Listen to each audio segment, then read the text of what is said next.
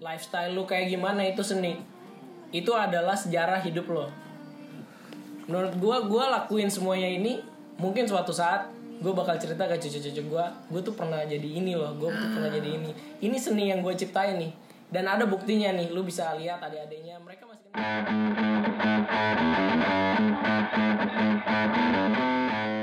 Ingat, jangan lupa.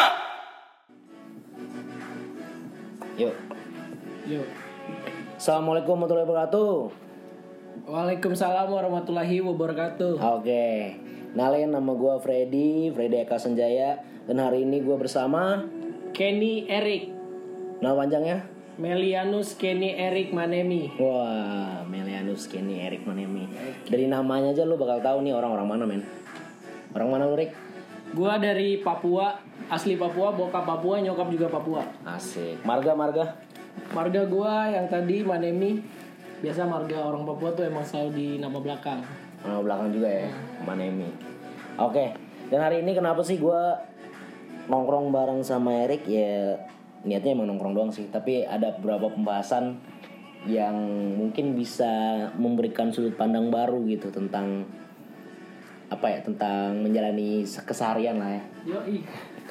sepakat, sepakat. menjalani seharian Eh, lu asli mana asli Papua Gua asli Papua.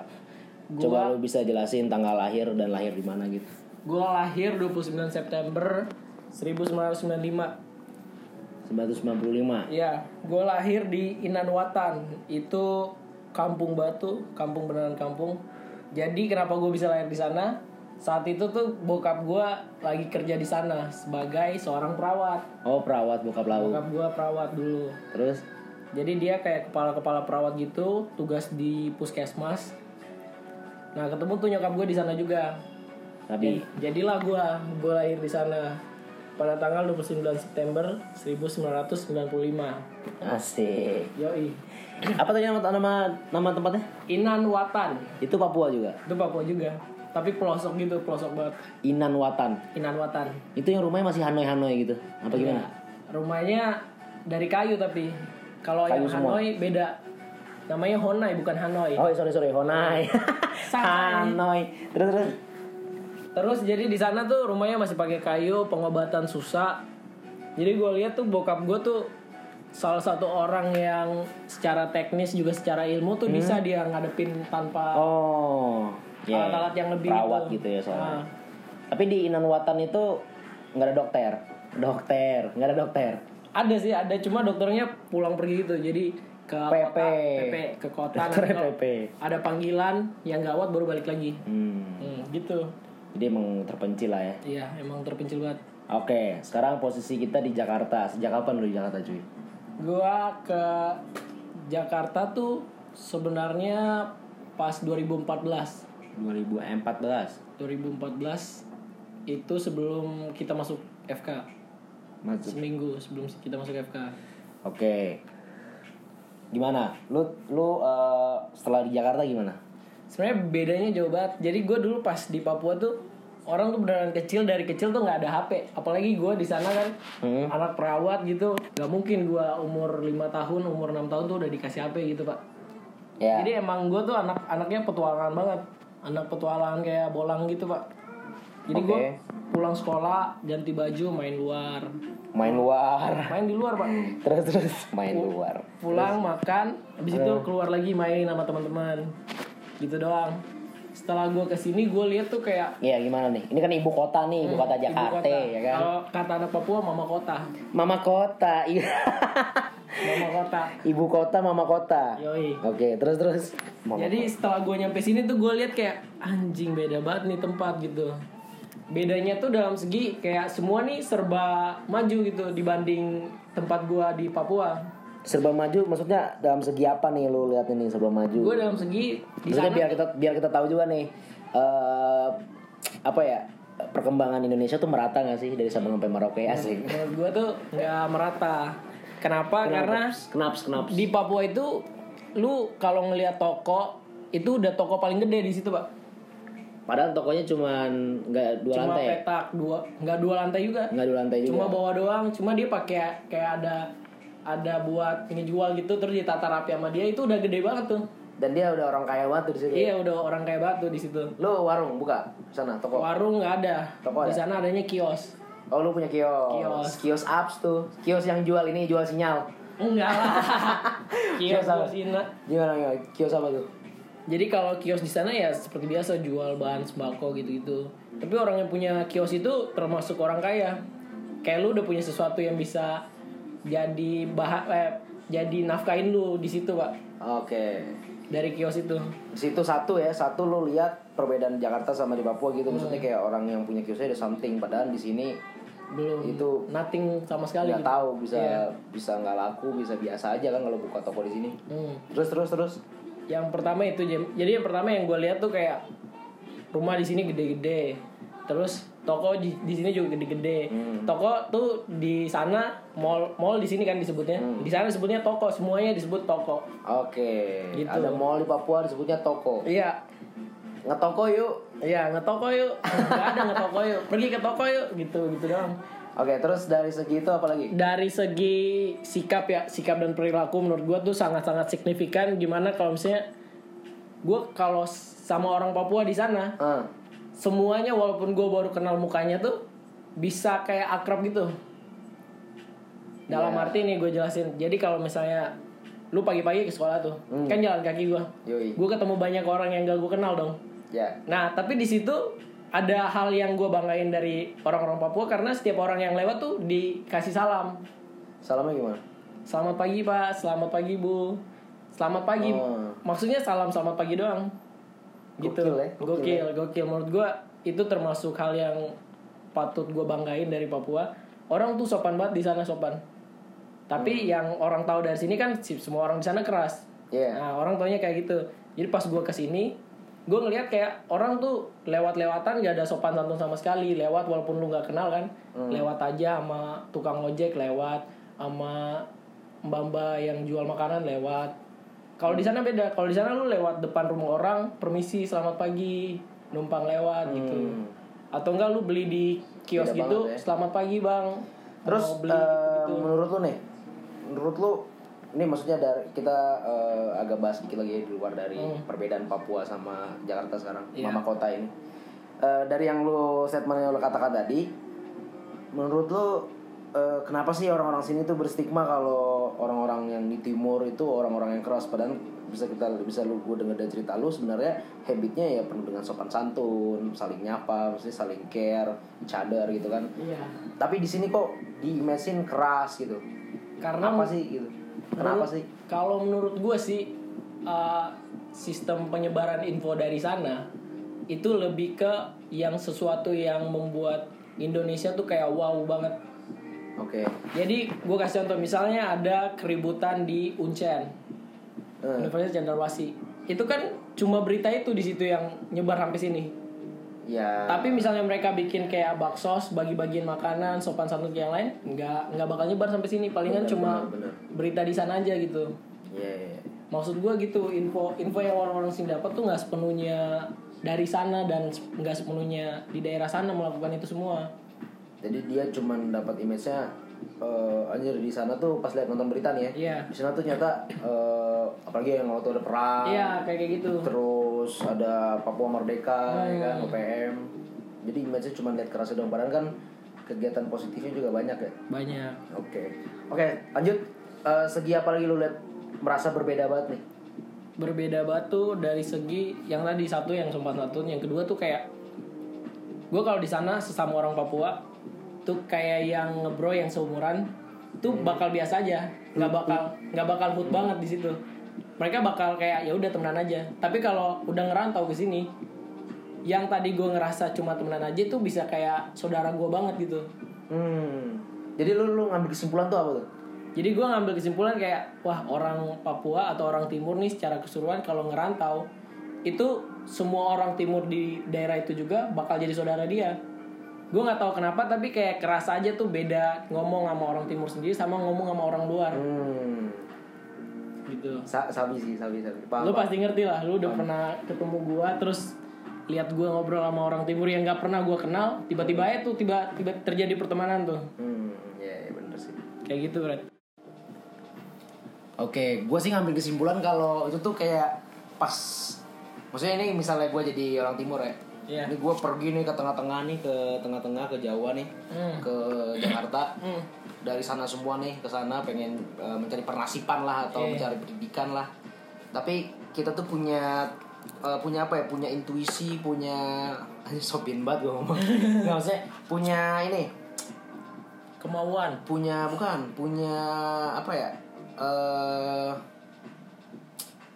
pola pikir yang Gue bakal sendiri. yang nggak terlalu dipikirin sebenarnya tapi dilakukan paham gak sih dia tuh nggak nggak nggak ada niat begitu tapi sebenarnya begitu terjadinya paham gak sih Iya. jadi kayak misalnya nih gue pergi aja nih jadi orang timur gue ke Jakarta terus ada juga yang teman gue padahal gue nggak nggak tahu karena di Papua jauh, jauh juga sama gue Iya. pas gue di Jakarta gue mikir kayak gue harus eh, survive bareng nih Hmm. gue harus eh, fighting bareng nih gue harus sukses bareng nih sama eh, Orang- orang yang di juga. sana juga Iya. Padahal juga kalau dicari keluarga atau enggak bisa aja enggak Betul. tapi kan banyak kan katanya keluarga semua kebanyakan Iya. maksudnya kayak ya itu tuh banyak dari satu keluarga sebenarnya tapi saking lebarnya gitu Iya, lebarnya jadi pecah-pecah tuh semuanya. nah oke oke paham paham paham Tapi itu sih Fred, satu tuh yang menurut gue yang paling gue tekenin tuh bahasa, Pak. Jadi kalau lu apa ke- tuh dengan bahasa asing lu ketemu bahasa orang nih lagi bahasamu lagi ngomong tiba-tiba bahasanya berubah jadi bahasa Papua tuh lu kayak anjing gue ketemu keluarga gue nih. Kalau di. Papua dibilang mili mili. Gue ketemu mili nih dari Papua. milih itu apa Ke singkatan dari family. astaga Kalau Papua bilangnya mili. milih siap Mili. milih milih Mili tuh kayak keluarga. ya jadi lu perasaannya kayak gitu Perasaan gue kayak gitu. Dan yang bagusnya itu mereka malah menerima gue hmm. sebagai orang jauh ini. Jadi first time lu di Jakarta lu baru tahu ya nyata orang Papua kalau di luar tuh sama-samanya tapi begini gitu. Iya. Apalagi yang lu rasain Yang- ketika lu baru nginjak tanah yang penuh dengan kekeosan dan perpolitikan ini. Nah, yang gue rasain pertama tuh itu. Dan yang kedua tuh gue berasa kayak orang asing, Pak. Uh, you feel like stranger. Hmm, I feel like stranger. Kenapa? Karena setiap gue ke mana pun itu, gue ngerasa anjir kok gue sendiri beda di sini. Gue kayak kenapa nih orang nih pada beda semua dari gue. Rambut gue keriting, ada yang rambutnya lurus, mukanya putih, kulitnya ini. Gue beda gitu. Gue ngerasa asing aja waktu itu Awal-awal. awal-awal. Dan bahasa gue tuh nggak bahasa Jakarta logat Jakarta banget. Nggak kayak sekarang. Nggak kayak sekarang. Oh, betul ini logat Jakarta. Iya, ini logat Jakarta nih. Bukannya logat Jakarta itu begini. Ih, begini. Iya. Iya benar. Terus terus selain lu ya, selain lu merasa lu kayak stranger di mama kota ini apa? Gue tuh ngerasa itu pak apa yang harus gue mulai di sini. Gue harus apa? Bukan gue ngerasa sih pemikiran gue aja nih. Gue tuh harus apa di sini. Dan gue bawa tuh sifat-sifat gue dari Papua. Jadi pertama tuh gue harus nyari teman. Nyari teman. Jadi setiap gue ketemu orang, gue ketemu orang baru yang gue baru lihat, tapi sekam- sekampus sama kita, langsung aja tuh gue kenalan, langsung aja gue sampein bang gue dari Papua, gue mau nyari ini di sini di sini di sini. Makanya gue waktu itu bisa ketemu bang bang Panca, Van, ya Panca. membaca. Itu masih maba tuh baru masuk tuh. Langsung aja gue samperin, gue tanya bang, eh, PMT di mana ya? Mau periksa darah nih gue. Oh iya iya dari situ gue udah punya feeling ya. Oh ya udah berarti semua orang sebenarnya baik. Tapi lu pertama kali masuk Trisakti gitu? Iya. Itu memanca. Ih, mereka lagi nongkrong kan. Gue lewat lewat lewat. Baik tuh. Ada orang nih. Baik kan? Baik baik baik baik banget tuh. Dia 2000 berapa sih? Dengerin bang. 2012. 2012 akuntansi. Lagi nongkrong tuh kan. Lagi duduk di bawah, duduk melantai semua kan. Tiba-tiba tuh datang gua. Duduk bawah gua. Mereka kaget. Ini siapa nih orang Papua datang-datang langsung duduk nih. Asik. Bang, gua Terus terus terus. baru masuk nih bang baru masuk mau PMT mau tes darah di mana ya bang oh lu mahasiswa baru iya bang masuk mana lo biasa pertanyaan senior masuk mana lo FK bang oh FK di belakang sana sih Biasa pertanyaan senior. iya pertanyaan senior Tahun banget maba lu. Terus terus. mau PMT dulu bang nyari eh, tes darah. Oh iya PMT di belakang sana tuh. Iya sih bang tapi masih bentar lagi masih jam 1 oh ya udah lu nongkrong aja bareng gua. Diajak nongkrong pak. Ah. dari situ tuh gue mulai tahu oh jadi anak Jakarta nih seringnya nongkrong. Anak bocah-bocah nongkrong semua. Nah ya gue basically sih karena kita daerahnya itu ini ya apa ya pokoknya tuh sebenarnya kalau gue mindset gue pada kursi ada meja tempatnya adem duduk aja pada situ. Benar. Paham gak sih? Nongkrong aja. Bahas apa ngobrol apa dan itu pak. belajar bareng gue mikirnya gitu. Terus terus. Jadi dari situ gue bisa tahu tuh tongkrongan sebenarnya di Trisakti tuh gue tongkrongannya banyak banget pak. Banyak banget. Itu gue tahu tongkrongan pertama tuh di kolam. Kolam akuntansi. Itu tongkrongan pertama gue pas jadi maba. Siap siap. Jadi pas gue maba tuh gue nggak nongkrong jadi anak FK gue nongkrong jadi anak ekonomi yoi oke lanjut lanjut. Terus, Red. segi bedanya apa lagi? Itu doang sih menurut gue Menurut yang paling signifikan. Paling signifikan gitu iya. Jadi dari hoodnya kayak gimana lingkungannya? Eh, terus dari sopan santun. Sopan santun. Dan juga perilaku. Ya perilaku ya. Hmm, menurut gue paling paling signifikan itu sih. Oke. Terus dengan keadaan kayak gitu, terus lu sekarang di Jakarta udah bertahun-tahun, iya apa yang terjadi perubahan diri lu selain lu kan lu baru tadi kan berapa segi dan sudut pandang lu tentang perbedaan Jakarta Papua tuh gitu. iya Ya kan maksudnya kayak lu baru kayak wah begini, wah begini, wah begini. Iya, Sekarang kan lu udah nggak wah begini kan sama mama kota ini iya dan orang-orangnya. Perubahan di diri lu apa?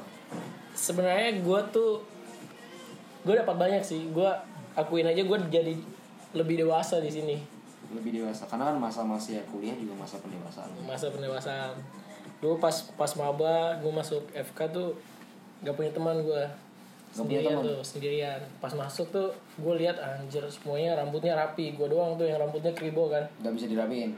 nggak tahu bisa diapain apa nggak harus tukang cukur Terus afro banget sih waktu Yoi. itu. Terus itu gue masuk terus gue nggak tahu temen temen temen gue siapa aja tuh masuk kayak dulu duduk mencoba beradaptasi tuh mencoba beradaptasi pembagian kelompok baru tuh gue ketemu Yogi hmm. Yogi Cinet Iqbal Raka Oh bareng Ibaraka juga. Iya. Terus Fatur bareng Fatur tuh ber bertiga tuh teman-teman gue dulu oke. pas maba ujung-ujungnya nih sekarang gue deket sama Yogi Ah. jadi gue tuh menurut gue pencapaian gue di sini tuh gue kayak jadi lebih dewasa aja sih menurut gue Lebih dewasa. hmm. Eh, dewasa tuh udah Martin menurut lu apa sih men? Dewasa. menurut gue What what being adult? dewasa itu Ya nggak sih bener nggak bahasa Inggris lu? benar ya gimana tuh? nggak tahu sih gue Fred jadi dewasa itu berarti lu nggak jadi anak-anak lagi pak Iya. Gue juga tahu tapi apa? dewasa menurut gue tuh lu udah bisa kan kalau anak-anak nih mikirnya kayak ya udah gue pulang makan tidur abis itu besok gue lakuin hal yang sama Main ya kan gua pulang makan tidur sebelum main dikasih bedak dulu di Yoi. muka. abis itu tidur makan eh makan dikit nonton kerjaan PR tidur gitu gitu doang tuh kerjaan lu pas jadi anak-anak nih Oke. lu menjadi seorang dewasa dikatakan lu menjadi seorang dewasa apabila lu tuh punya visi dan misi dalam hidup lu ada tujuan Asik. Menurut Ada gua. SPOT-nya tuh. iya ada SPOT-nya Terus terus. Menurut gue tuh lu punya tujuan di hidup lu itu udah bisa dikatakan dewasa dan lu punya hal-hal yang digunakan buat mencapai tujuan itu Oke. dewasa tuh pendewasaan diri tuh di mana lu bisa belajar banyak hal dan menurut gue di sini gue belajar banyak hal sih Menurut lu? Hmm. Oke, sekarang eh, oke sekarang lu udah menjadi dewasa gara-gara mama kota ini dan kondisinya kayak gini dan selama lu bertahun-tahun ini kuliah, masuk dokteran, lu kenapa sih men ambil kedokteran? satu Ini mahasiswa dokteran loh, Kenny Malianus Cenio Erik Manem ini eh, putra daerah yang dokter cuy kalau buat denger ya. Ini orang Papua yang akan menjadi dokter dan baik lagi Papua ya. iya balik lagi gue Oke, gimana? Jadi- Kenapa lu ambil masuk dokteran? ini kalau misalnya keluarga gue yang ada sebagian keluarga gue yang denger ini tolong dimaklumi ya jadi sebenarnya gue tuh nggak ngambil dokter Kenapa? Gue pengen FSRD gue seni sama ay. seni gue pak Gue orang seni banget pak Seni rupa kemarin Trisakti itu teknik aja. Gue pengennya tuh ya kerja kalau nggak berseni. iya Kerja tuh maksudnya kerja lapangan kalau nggak berseni. iya Gitu benar sih. dari kecil tuh gue pernah mikir kayak setiap orang tuh setiap hidupnya menciptakan seni pak apa pun yang dia lakuin itu seni Apa pun, Iya. emang sepakat. sepakat banget gue jadi menurut gue gue tuh lebih cocok di seni karena gue dari kecil tuh udah suka banget gambar suka banget melakukan sesuatu yang menurut gue bagus dan cocok buat dipajangin Oke, nanti kita bahas ke situ ya. yoi Kita bahas ke situ nanti. yoi Terus kenapa lu bisa terjerumus? Terjerumus. terjerumus. ke kedokteran Ke kedokteran. Nah, seperti kata gue tadi awal, bokap gue tuh adalah seorang perawat. Sekarang dia S2 di bidang MPH, Bokap gua seorang kapiten. Patimura. Enggak lah. Oke. Yang panjang. Enggak lah. Terus terus. Oke, bokap lu seorang perawat. Oh, kesehatan juga ya. Kesehatan juga kan. Jadi dari awal tuh gue secara nggak langsung nih didoktrin, menurut gue didoktrin dari bokap gue. Karena dia selalu ngomong, Erik bakal jadi dokter, Erik harus lebih dari papa. Iya, itu yang parah sih menurut gue ya. Pernah lu dengar bokap lu kayak Terus tuh, tuh orang tua tuh terus tuh. terus tuh ngasih ngasih ngasih ngasih lu harus gini harus gini harus Ini nih yang buat dengar keluarga gua atau keluarga Erik ini bukan eh, menyalahkan ya, tapi maksudnya ini cuman cuma sharing kejadian Sharing aja. pendapat kita ketika masa kecil dan sekarang kita dewasa. iya benar menurut gue dan Sorry mas, sorry mas. terus terus. dan gue tuh ke bawah gitu ngikut gitu karena om om gue juga perawat gitu om gue dan sebagian Oh, keluarga keluarga lu emang bergerak di bidang ya. iya kesehatan banget kesehatan Apoteker ada? Apoteker. ada apoteker. adek gue apoteker Alah, klasik kali kau nih. adek gue Terus, terus, apoteker terus, Pak. jadi gitu jadi menurut gue tuh kayak anjing gue Cewek. cewek. Eh sorry sorry, terus menurut lo? jadi menurut gue tuh kayak wah chaos nih. Gue bakal bakal harus kayak gini nih. Dan setelah itu gue kayak oke gue mulai suka dengan hal ini gitu dengan hal kedokteran ini. Soalnya gue lu pernah gak sih lihat bokap lu kerja terus kayak orang tuh bangga lihat bokap dengan kerjaan bokap lu? Oh lu bangga. iya maksud gue kan bokap gue di kampung tuh Nggak lu merasakan bangga kan? nah merasakan kayak wah orang tuh ngargain bokap gue dengan pekerjaan yang dia lakuin sebagai Iya seorang perawat iya, iya, iya. dan gue ngerasa kayak berarti gue harus sama nih kayak bokap gue tapi harus tingkat lebih lebih dari dia makanya gue harus jadi dokter Iya, benar benar. Nah, Oke, kenapa jadi dokter ya? Bisanya kan bokap lu sekolah lu perawat juga. Iya. Kalau dia mau sama, Ah. ternyata dia mau lebih untuk iya anaknya. dia Asik. mau lebih untuk gue Sepakat. Dan gue ngeliat tuh kan tempat kerjanya dia kalau nggak di puskesmas kalau udah malam pulang ke rumah tuh. Jadi orang-orang yang mau berobat datang ke rumah. Jadi semuanya dilakukan di rumah gitu. Oke. jadi gue ngeliat sendiri dia kerja kayak gimana dan menurut gue gue selain terdo- terdoktrin sama dia gue juga ngikut gitu. Karena keadaan di sekitar gue semuanya bersifat seperti itu. Iya, iya, iya. Sekarang lu enjoy aja ya. ya harus dinikmatin lah. Hidup pak namanya Ini agak bahas sensitif nih. Iya hidup tuh harus dinikmatin men Kenapa lu kuliahnya malah telat? kenapa gue telat karena menurut gue gue Padahal lu tuh semester awal, semester 2 waktu Iya. baru-baru dewa tuh aman loh. semua orang pasti tahu lah kehidupan gue apalagi seorang Freddy ini dan teman-teman gue yang bakal denger ini lu pasti tahu kehidupan gue pak gue tuh sebenarnya aman-aman aja pak cuma guanya yang bego gue tuh pas di sini gue merasa gue tuh bisa lebih lebih have fun lebih party lebih bodo amat sama kampus gue lakuin semuanya. Dan turns out akibatnya itu ya gue kecewa sama diri gue sendiri gitu. Kenaps tuh.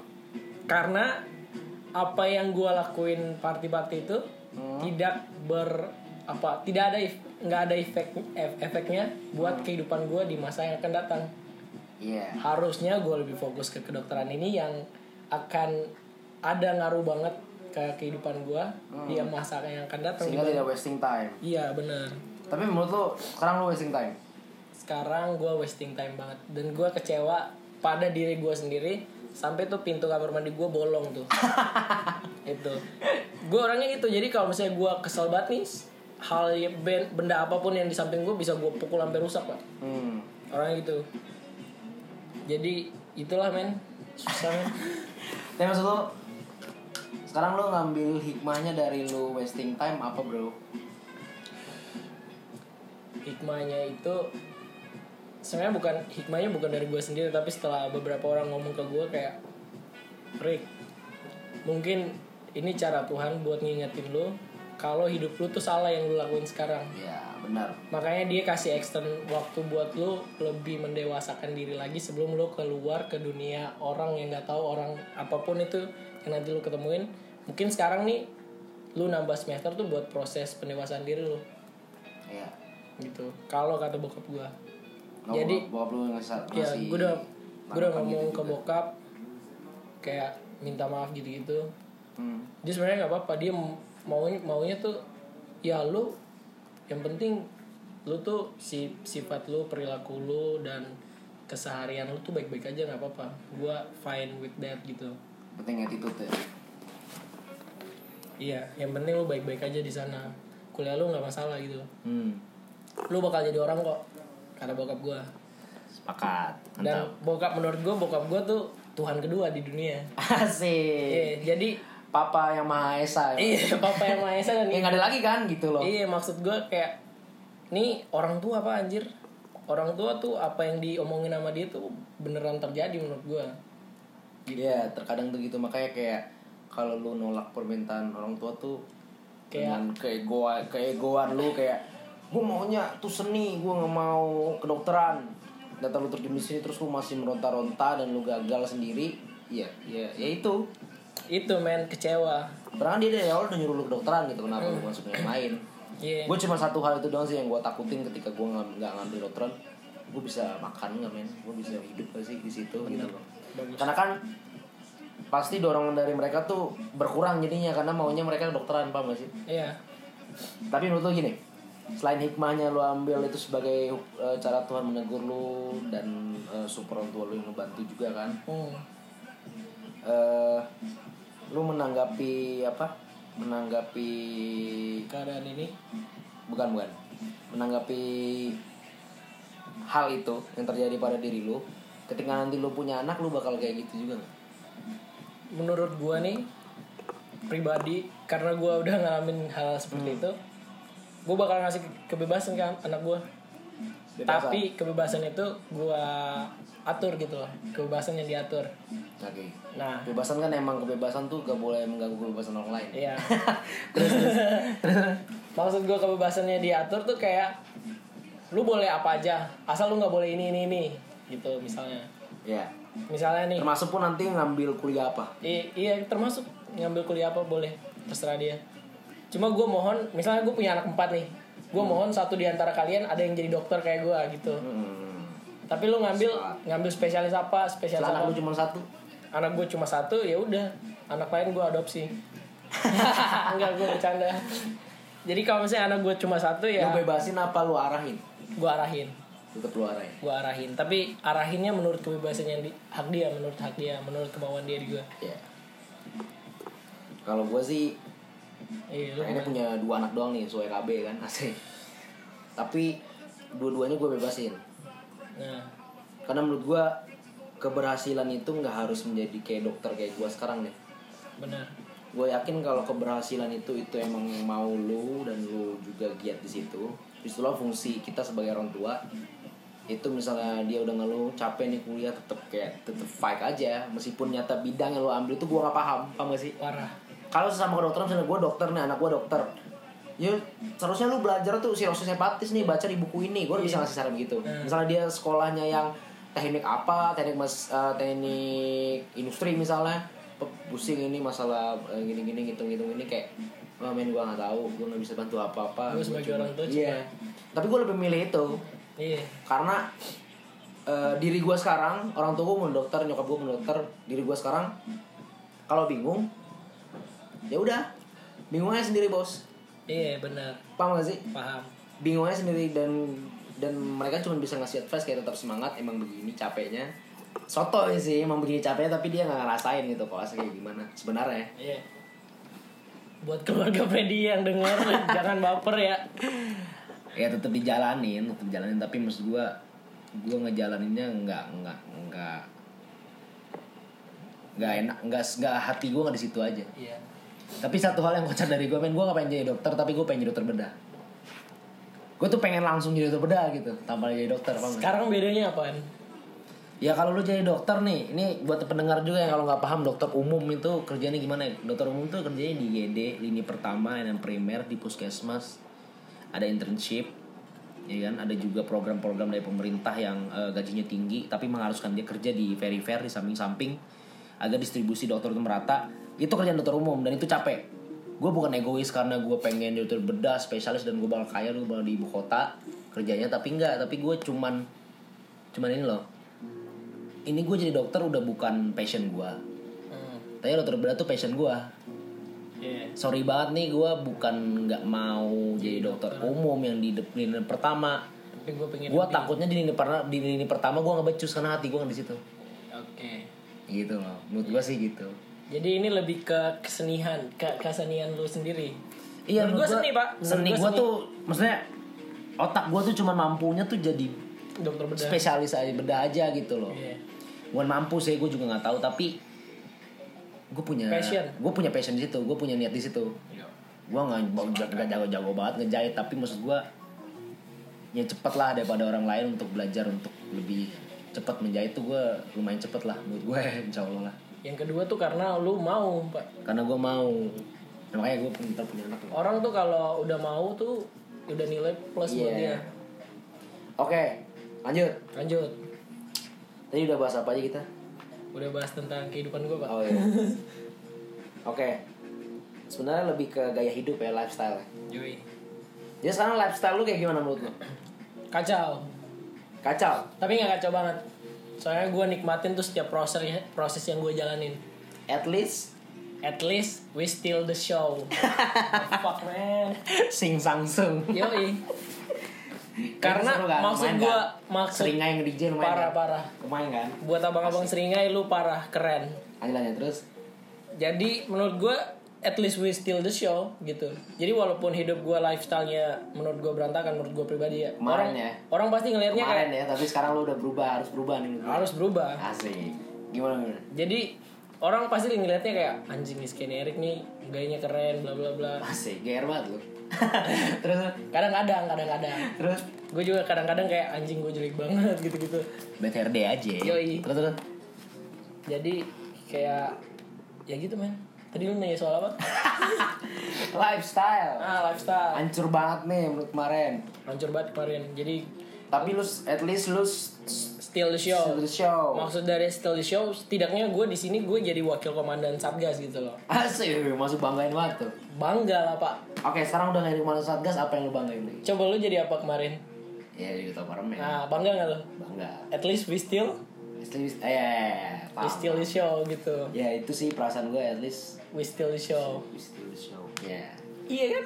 Nah. Iya, itu juga yang gue banggain dari kehidupan, Kehidupan gue. lu. Setidaknya gue jadi sesuatu yang berguna buat orang lain di sini. Oke. Iya. Menurut lu berguna gak? Paham, paham. Paham. Ah. Menurut gue, iya setiap yang lu lakuin setidaknya jadi kepala sesuatu pasti lu punya bawaan yang sangat banyak gitu. Di saat lu bagus, bawaan lu juga bagus. Hmm. Jadi menurut gue bawaan gue kemarin bagus-bagus semua. Nah, itu membawa manfaat buat diri dia dia Iya. bagus. Nah, jadi gue ngerasa kayak, oh gue ternyata ada gunanya juga nih gue jadi sesuatu di sini. Hmm, bermanfaat. Iya bermanfaat gue gitu jadinya. Visi gue batu bermanfaat. Yoi. gitu Brad. Yeah. Kalau lu kemarin apa? Apa? Yang tadi, Kenapa? yang you still the show. Parlemen. Iya.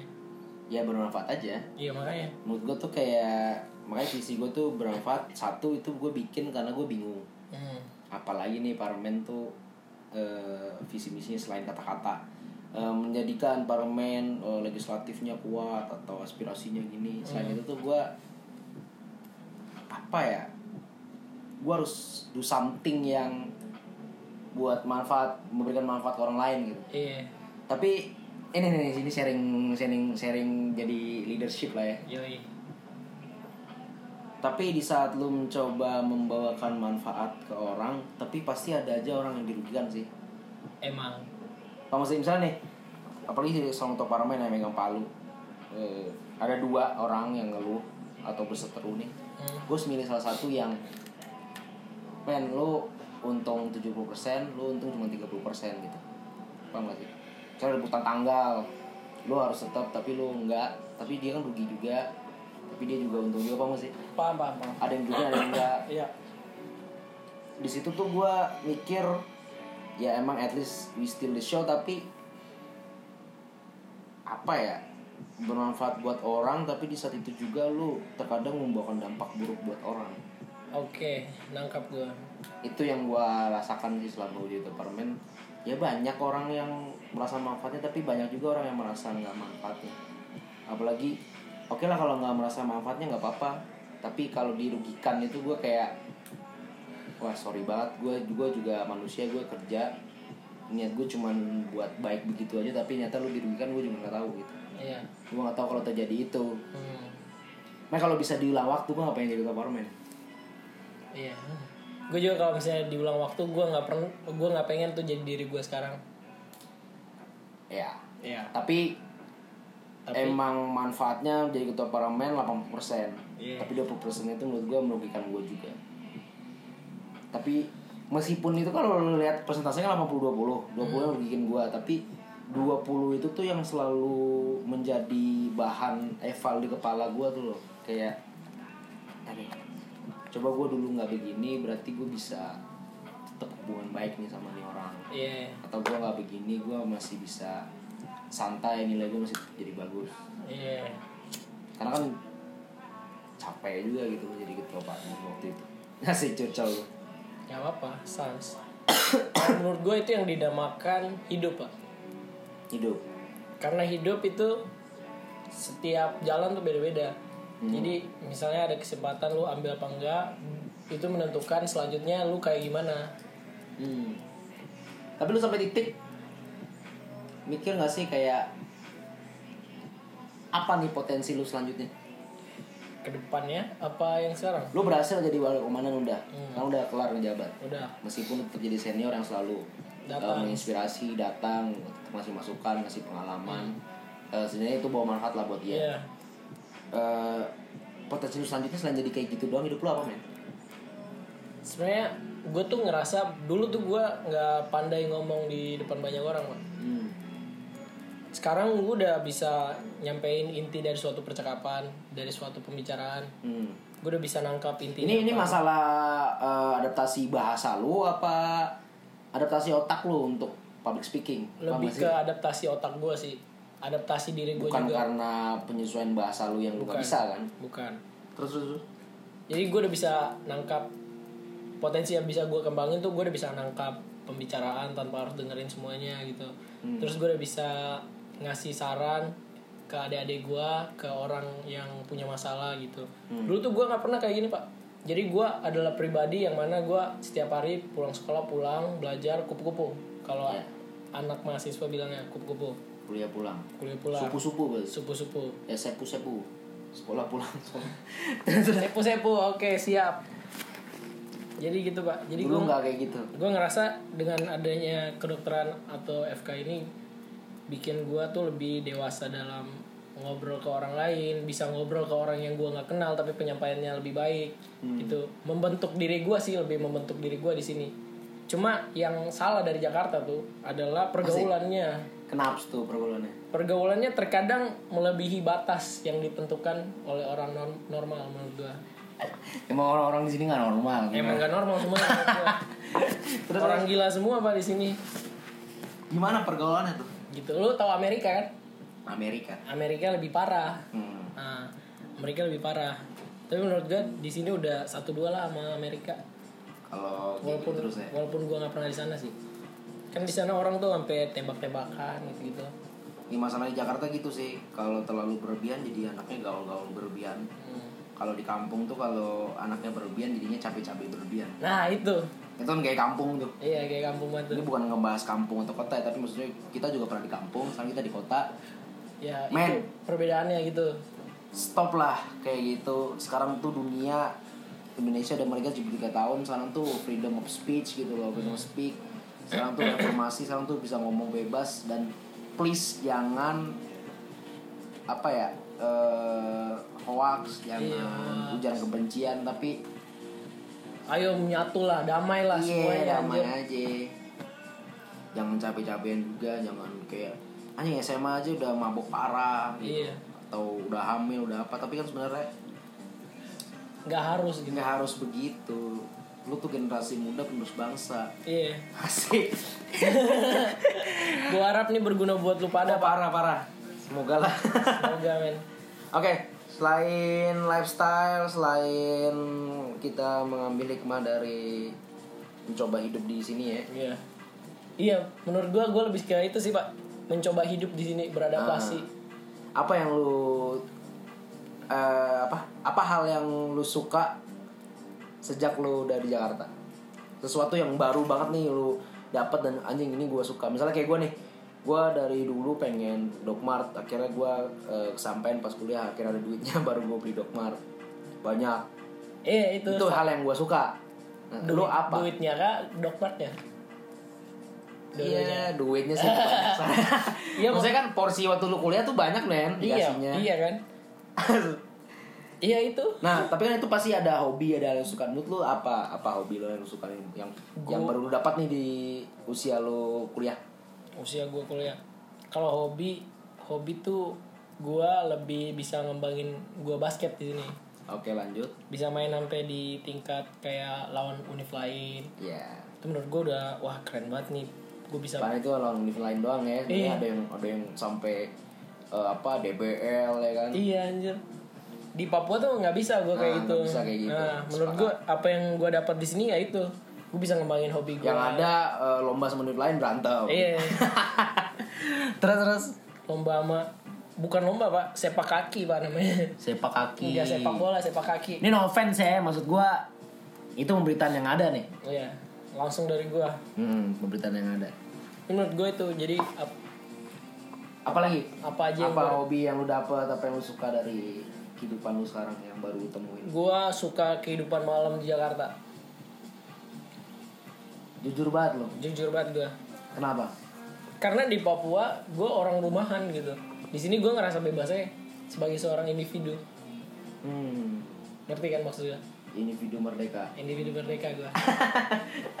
terus terus gue ngerasa bebas aja gue tapi kebebasan itu gue pakai dengan cara yang salah kenapa misalnya nih gue besok ujian tapi malam ini gue pusing banget belajar gue mikir kayak mikir cepet aja nih oh ya udah gue pergi pergi aja nih mabuk gue hmm. Menurut gue tuh lama-lama jadi kesalahan gue gitu.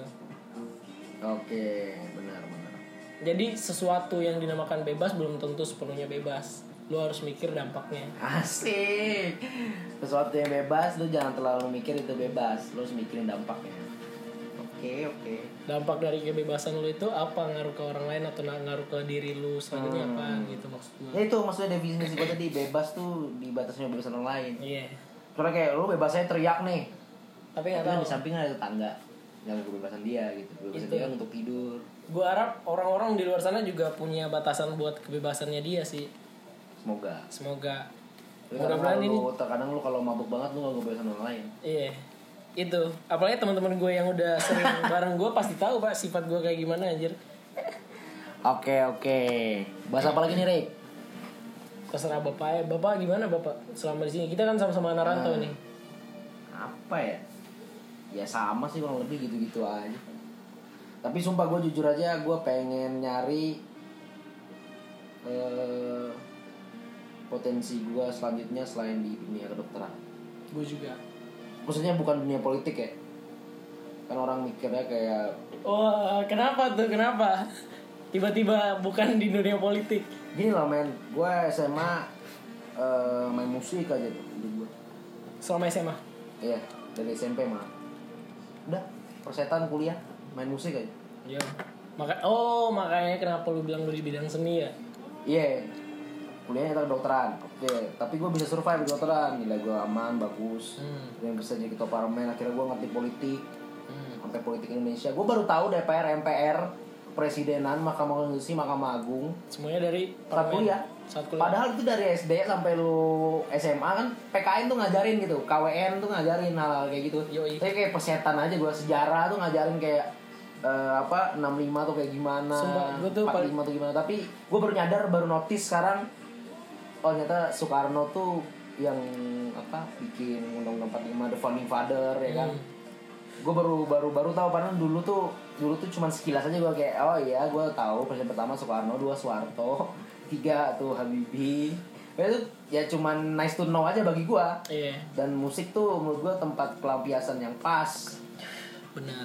ya kan tapi nyata di dunia kedokteran gue jalanin gue ngerti politik oke nah sekarang gue ada dua bidang nih tiga Hmm. bidang mah satu bidang musik udah gue lewatin dan sekarang gue nggak jalan lagi. Tapi gue tetap suka musik.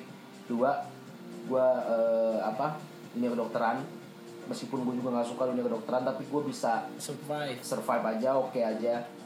Tiga eh, dunia politik gue paham gue bisa aja. Ketua parlemen juga eh, alhamdulillah menang aja. Bisa aja gitu paham aja perpolitikan kayak gimana. Tapi gue nggak paham dalam-dalamnya. Sekarang apa lagi nih yang pengen gue cari gitu? Menurut lo apa? Menurut gue tuh step selanjutnya itu yaitu berarti sekarang lu belum menemukan jati diri lu menurut gue gue juga sama kayak gitu. gue gue bingung gitu. Tapi kan emang kita nih petnya udah jelas nih. Hmm. ya kalau kita kuliah dokteran terus jalanin aja tanpa mikirin yang lain jadi dokter lu Iya. kerja bantuin orang ya lu udah bermanfaat gitu. Tapi maksud Iya. gue gue nggak pengen cuman gitu. Iya gue juga secara langsung. apa gitu loh. Menurut gue karena di Papua tuh gue ngelihat secara helikopter vision ya. Nah. Jadi kayak gue kalau jadi dokter doang oke gue ngobatin orang sakit tapi apakah orang yang nggak sakit itu udah diobatin dalam segi Iya. sesuatu gitu belum tentu kan? Jadi gue pengen kayak gue selain bisa ini passion gue ya. Menurut gue gue di situ. Gue pengen selain jadi dokter gue pengen jadi bupati lah jadi gubernur lah. Nah masukkan dunia politik. Jadi kayak gue tuh bisa ngubah Papua secara nasional, secara nasional Papua gitu, secara semuanya, secara keseluruhan, bukan cuma gue ngubah nih orang sakit sembuh, nih orang sakit sembuh, tapi gue ngaruh ngaruhin ke semua orang Papua. Mungkin ada saran yang lain gue bisa bikin bagus Papua dalam segi apa, gue ngambil saran itu, gitu loh. Jadi gue pengen step selanjutnya gue tuh, gue pengen jadi seseorang di Papua. Lu. Seseorang tuh artinya lu pasti ngerti lah. yang berguna lah Iya, maksudnya bukan, orang bukan jabatan nih ya eh, bukan jabatan, maksudnya orang ini tuh orang yang penting buat Papua gitu. asik siap Siap. Oke, kalau gue bisa simpulin ya perbincangan kita hari ini. Eh, bentar, sebelum gue simpulin, sebelum gue simpulin, Banyak sih, banyak. pertanyaan gue satu nih. Seni itu menurut lu apa sih? Dari hal politik, dari hal kedokteran, dari hal eh, kehidupan lu, pendewasaan diri lu. Seni itu apa sih menurut? Seni itu menurut gua adalah art. Iya, maksudnya apa? Menurut gua seni itu seperti apa ya? Air hujan. Aduh, jangan kenapa? nggak ketebak jatuhnya kapan. Oke, terus? Terus kayak jadi menurut menurut gue pribadi seni itu kayak sesuatu yang gak lu harapkan, tapi itu bisa baik bisa enggak, tapi itu adalah hal yang lu ciptain sendiri. Mantap. Mantap. Sepakat gue. Ngerti gak lu? Ini gue ngasih pertanyaan itu gue cuman mencoba menyimpulkan aja ya. Itu ternyata apa lu? Eh, sesuatu yang nggak bisa lu harapkan, Iya. bisa jadi baik, bisa jadi buruk, tapi itu yang lu ciptain Iya. dan itu terjadi Iya, itu dan bisa terjadi. dilihat, bisa dirasakan, Dan- bisa didengar. bisa berdampak ke lu diri lu sendiri Bisa bisa, berdampak, berdampak ke orang, orang lain. lain. jadi kalau misalnya menurut lo ini bagus ya udah ini seni yang gue buat Hmm. gitu Ya benar.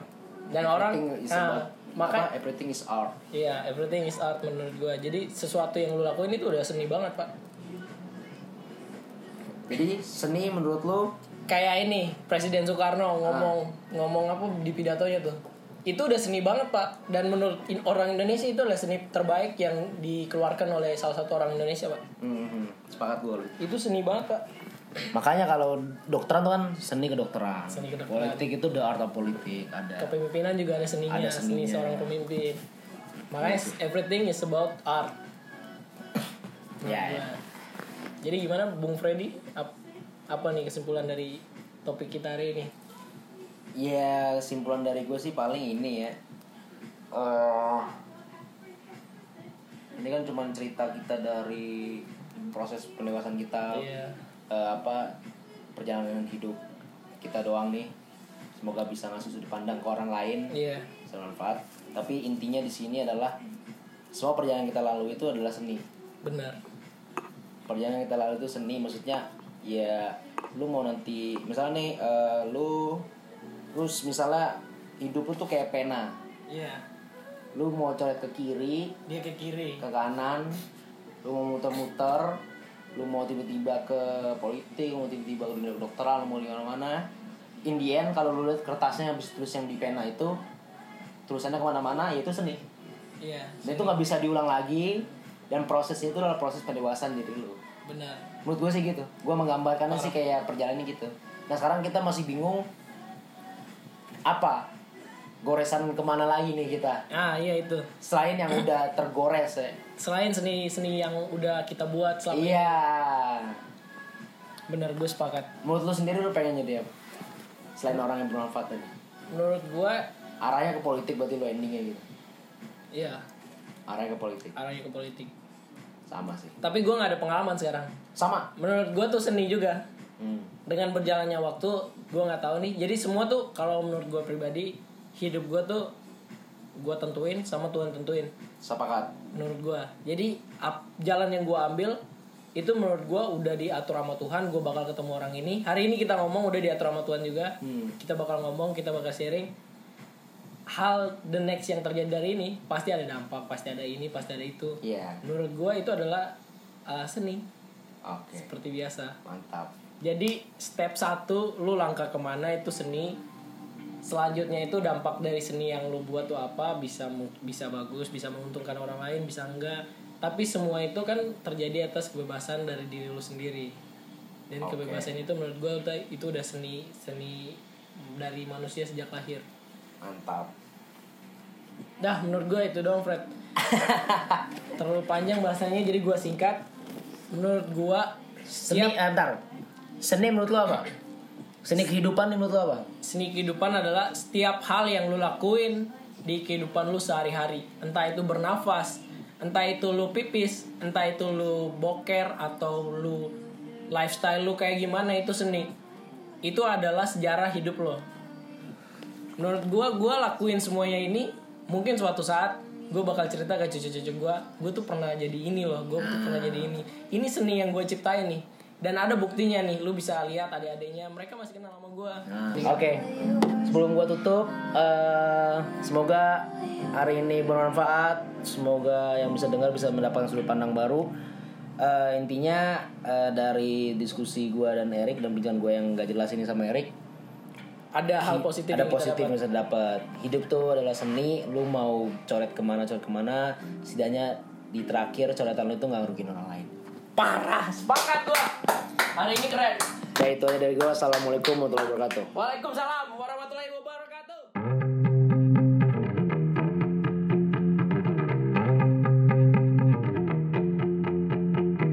Ingat, jangan